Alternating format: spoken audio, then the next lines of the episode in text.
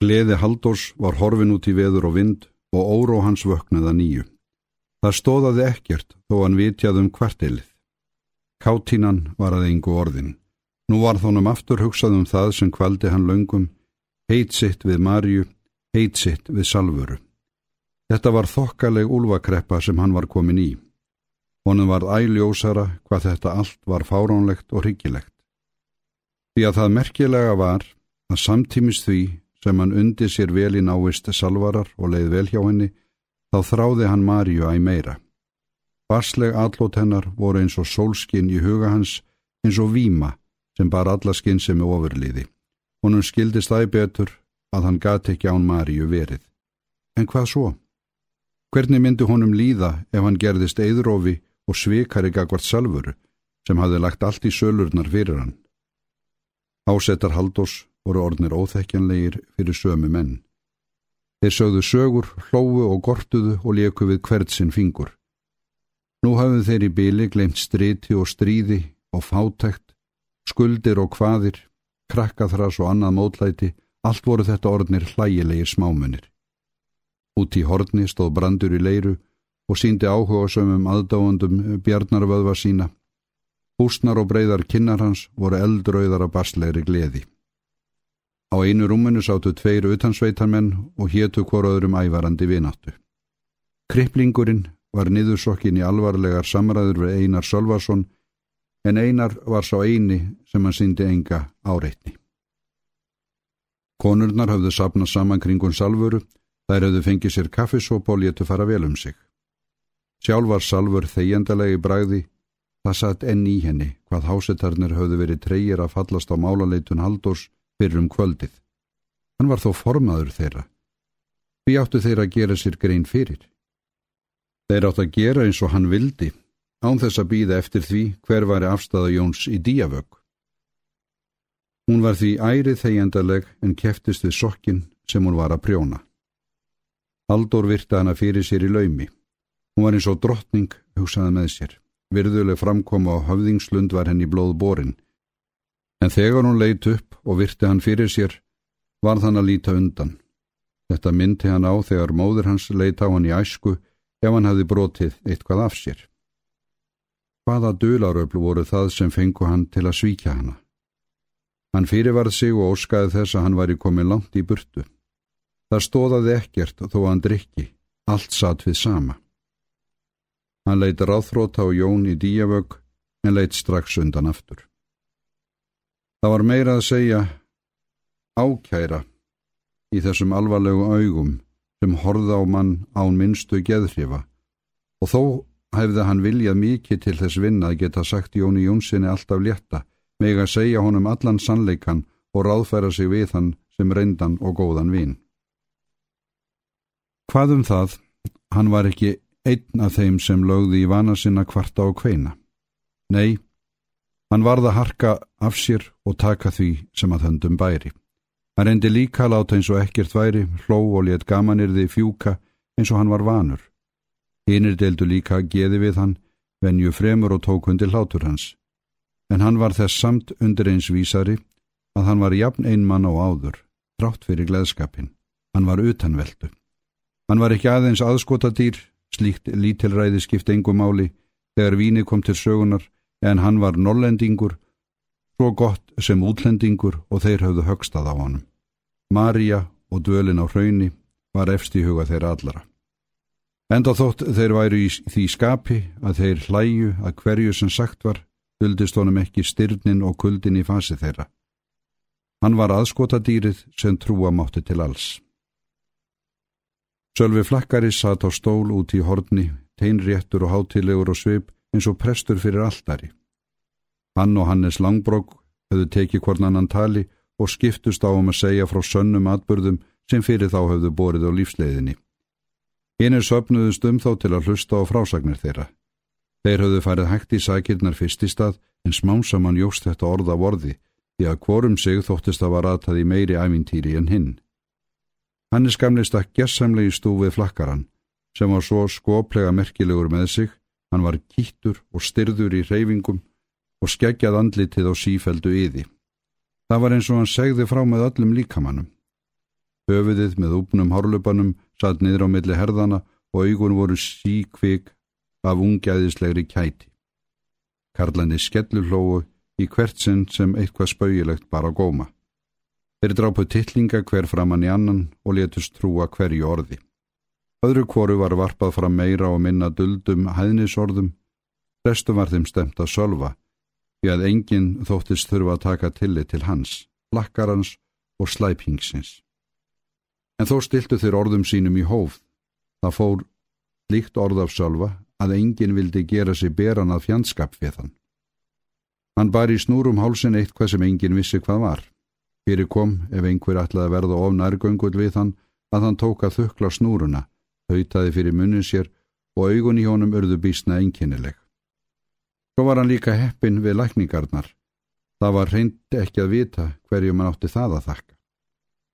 Og þó að hann væri naumast annaðið montras og fíbl og allir neyksluðust á flakki hans, þá þorði engin að erta hann og hæða meirinn góðu hófi í gengdi. Húsbændurnir fóru að hátta um lánætti, en kvartelið var enn ekki tæmt og drikjan helt áfram. Það var heldur en ekki háreist í stofunni. Kristófur Gamli, sem var helst til hátt uppi, gerðist í meira lagi hávær og stórorður. Hvenn fólk, sagði hann með fyrirlitningu og smjattað á brennivíninu, innmyndur og tannlaus. Hefur hvenn fólk nokkur tíman verið til annars en ógags og bölfunar. Ég bara, hikk, spyr. Það er vist komið tími til að þú hipir þig í bælið. Rám og draugaleg rödd, loppugömlu bast gegnum klíðin. Hún hefði rutt sér brauð þanga sem bóndi hennar stóð og var heldur ófrínileg. Hún hefði drukkið sinn skerf og vel það og augnaráð hennar var þannig að Kristófur síndist hún til alls vís. Í bælið, strax, þamaði hann og svipaðst um eftir fulltingi. Alltur þér saman, þú gerir eins og ég segi, skipaði Loppa og var tilbúin í allt. Ha, þú lætur þó vist ekki kerlingun að skipa þér, rópaði kriplingurinn. Hann tók strax allur og loft þegar von var á íllindum. Þetta stappaði stálunni Kristófur, hann bysti sig og hverstu augun á konu sína. Skipa, nei öðru nær, þóglaðan út úr sér. Ímyndar, ímyndar þú þér að ég hygg láti þig skipa mér, ha, hinnir flyktust utanum þau og síguðu þeim saman með glensu og eggjunarorðum. Málu tók að vandast fyrir Kristófer. Loppa hafði ekki mörg orða þessu sinni en let verkinn tala. Brútin og óhrein hönd hennar náðu góðu tæki í harlubanum á Kristóferi rétt fyrir ofan eirað og síðan bjóst hún til að drasla honum með sér. En það þótti hinnum ótækt. Þeir vildu meira grín og heldu í karlinn. Kristófur gamli æfti upp yfir sig. Ætli þið að drepa mig lifandi? Hjálp, hjálp! Herbergir hvað við að hlátri og konurnar hlóu með. Sölvi flakkari var þó alvarlegur eins og biskup, en Einar Sölvason brost út í annað munnvikið. Hannes Langbrók kom Karlinum til hjálpar. Við eigum vist að heita Karlmenn, rópað hann. Verðum að hjálpa félaga okkar í neyð. Nú hveðum við kerlinguna út. Sjálfur hófan upp raust sína og hinnir tóku strax undir. Þeir þringdu sér á loppugömlu og öskruðu upp í hana. Það hyrðist ekki orða því sem hún sagði fyrir háreistinni en auðsið var á svip hennar og augnar á því að það var ekkert guðsorð sem hún las yfir þeim. Kristófer var þún að sleppa og síðan neytist hún til að hopa á hæl, skref fyrir skref. Lóks greip hún báðum höndum fyrir eirun, held úr skálum reyðisinnar yfir karlana og var viti sínu fjæra bræði svo að fróðan vall út á milli skorpina varana. Svo snýri hún við í skyndi og þau tó dýr. Þá fyrst fögnuðu þeir og allir hlóðu dátt. Jóni Díavögg var svo eini sem leta eins og ekkert væri. Engin gata ráðið á svipans hvort hann líkaði betur eða verð það sem framfór. En Kristófer gamli spíkspóraði fram og aftur, spertur eins og hani og þóttist heldurinn ekki maður með mönnum. Svo hann að átti að meðhöndla kvennfólkið og hann sór þess stýraneið að hér eftir skildi verða breyting á. Nú skildi hún láta í minnipokan og hann taka við stjórninni eins og vera bar. Já, hann átti líka að vera fær um það. Var kannski nokkur sem þorða að draga það í Eva. Hann stóð gleitt og horfið í kringum sig byrstur og svip og augun eins og í freðísu. Þetta datt engum í hug að efast um. Þeir keftust við að hella í hann brennivinni út úr skildi hann verða þegar hann fjall í hendur konu sinn um nóttina. Dægin eftir var ágætt sjóveður og Katanesbáturinn rýri laungu fyrir byrtingu. Ásatónum hafði ekki orðið söpsamt, lestir þeirra voru enn ríkaðir þegar þeir fóru á sjóun. Þeir sungu við árin á rýru lífróður svo sjórin fossaðum stefni bátsins. En þegar út á miðin kom fór að þingja yfir þeim og nú setti þá smám saman hljóða. Þeir fóru í hverstagshamin og fólu sér forsjónin á vald og sinni ódreipandi seglu. Þegar leið á morgunin lagði Sölvi flakkar af stað frá Katanesi. Hann hafði vaknað í bítu morgunin við það að Loppa var að reka Kristófur gamla fætur. Karlin var veikur og auðmur eftir drikkjuna og hardla auðmjúkur en svo gamla þreif vot hann sokk á honum og barði hann í andlitið. Reyndað hýpja þig á lappir ódámurinn þinn, sagði hún ógnandi rámum og grimdarlegun rómi Hún var ferleg ásýndum hálfklætt með hárflygsurnar dinglandi um andlit og brjóst. Sjálf var hún víst ekki alls kostar að laus við höfuverk og önnur óþægindi en henni tóst að reka karlinn fram úr og drífa hann í föttin. Hipjaðu þig svo út í fjós að brinna kúnum, hvæstu hún á eftir honum ofanum loftgatið. Já, já, góða mín, svaraði hann auðmjúkur. Sölvi klætti sig þó líka og helt af stað. Salfur fylgti mal hans með alls konar góðgæti og gaf honum auk þess tvo gljáfæða krónupenninga. Símónia fylgdi honum á leið. Hún greið hljóðlega og helt fast og lengi í höndans þegar þau skildu. Sölvi var kurtis og vingjarlegur við hana, en síndi henni þó enga blíðu.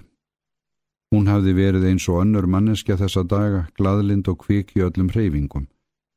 Þegar hún kom heim aftur eftir að hafa fyllt honum úr hlaði, var hún söm og áður, önug og viðskoteil og öllum til ama. Sölvi hitti sonsinn við hús dönsku veslunarinnar og einar fylgdu honum spölkorn á leið. Þeir rættu margt og Sölvi gaf síni sínum ímis heilræði. Þú skalt alltaf hlusta fúslega á það sem aðri vilja trúa þér fyrir, en vertu ekki of aðlúlegur og talaðu aldrei um engamál þín, þá heldur fólk að þú sért vitur og fær tröst á þér. Um mig gegnir allt öðru máli. Ég hef gaman að vera áhorfandi af þessu öllu Mér leikur hugur á að aðtuga mennina eins og þeir eru, þess vegna hegða ég mér eins og fíbl. Ég þá gera þeir sér ekkert farum að diljast. Lestir koma til dýran eins og þeir eru klættir gagvart fíblinu og þeim sem eru minni máttar. En þú átt að komast áfram í heiminum og þess vegna verður þú að bera þig öðruvísi að. Mundu að óráðvendni verður aldrei fyrirgefin ef hún kemst upp en þeim sem vitur er getur hún orðið meðal til að lifa mannsamandi lífi. Vertu alltaf góður og nærgætin við móður þína. Þó að hún láti sér fátum þig, gefðu henni ímislegt smávegis, það gleður hvernfólk. En áttu aldrei fyrirætlanir þínar uppi við hana og varaði þig á hvernfólkinu þegar þú stækkar. Þar geta auðveldlega orðið þrándur í götu þeirra sem ætla að komast áfram og hafa komið mörgum góðum dreng á kaldan klaka. En þarfyrir skalt ekki forðast hvern fólk. Konan er til þess að gera karlmanninum lífið ljúvara, hún á að matreiða handónum og ilja rúmið hans. Vertu alltaf hæverskur og forðastu dramsemi því að ruttaskapur og hróki er hverju manni hættulegri en ofdrykja og sörlipnaður. Pappi, saði pilturinn þegar Sölvi þagnaði, hvers vegna ert þú svona? Lakkar svona um? er nokkuð sérstök orsök. Vist er orsök til allstrengur minn. Annað svar fekk hann ekki. Skömmu síðar spurði einar hvað það væri sem fadir hans bæri í snúrun um hálsin. Sölvi brosti. Það er nú bæði lítið og saklaust, eitt af því sem ég nota til að koma í veg fyrir að fólk verðu of nærgöngult. Kanski sín ég þér það einhver tíma setna. Og skildu feðgarnir og flakkarinn helt áfram sinni endalösu forretningsferð. Lávaksinn, grannur og teinréttur með hóraðan klifjahest í taumi.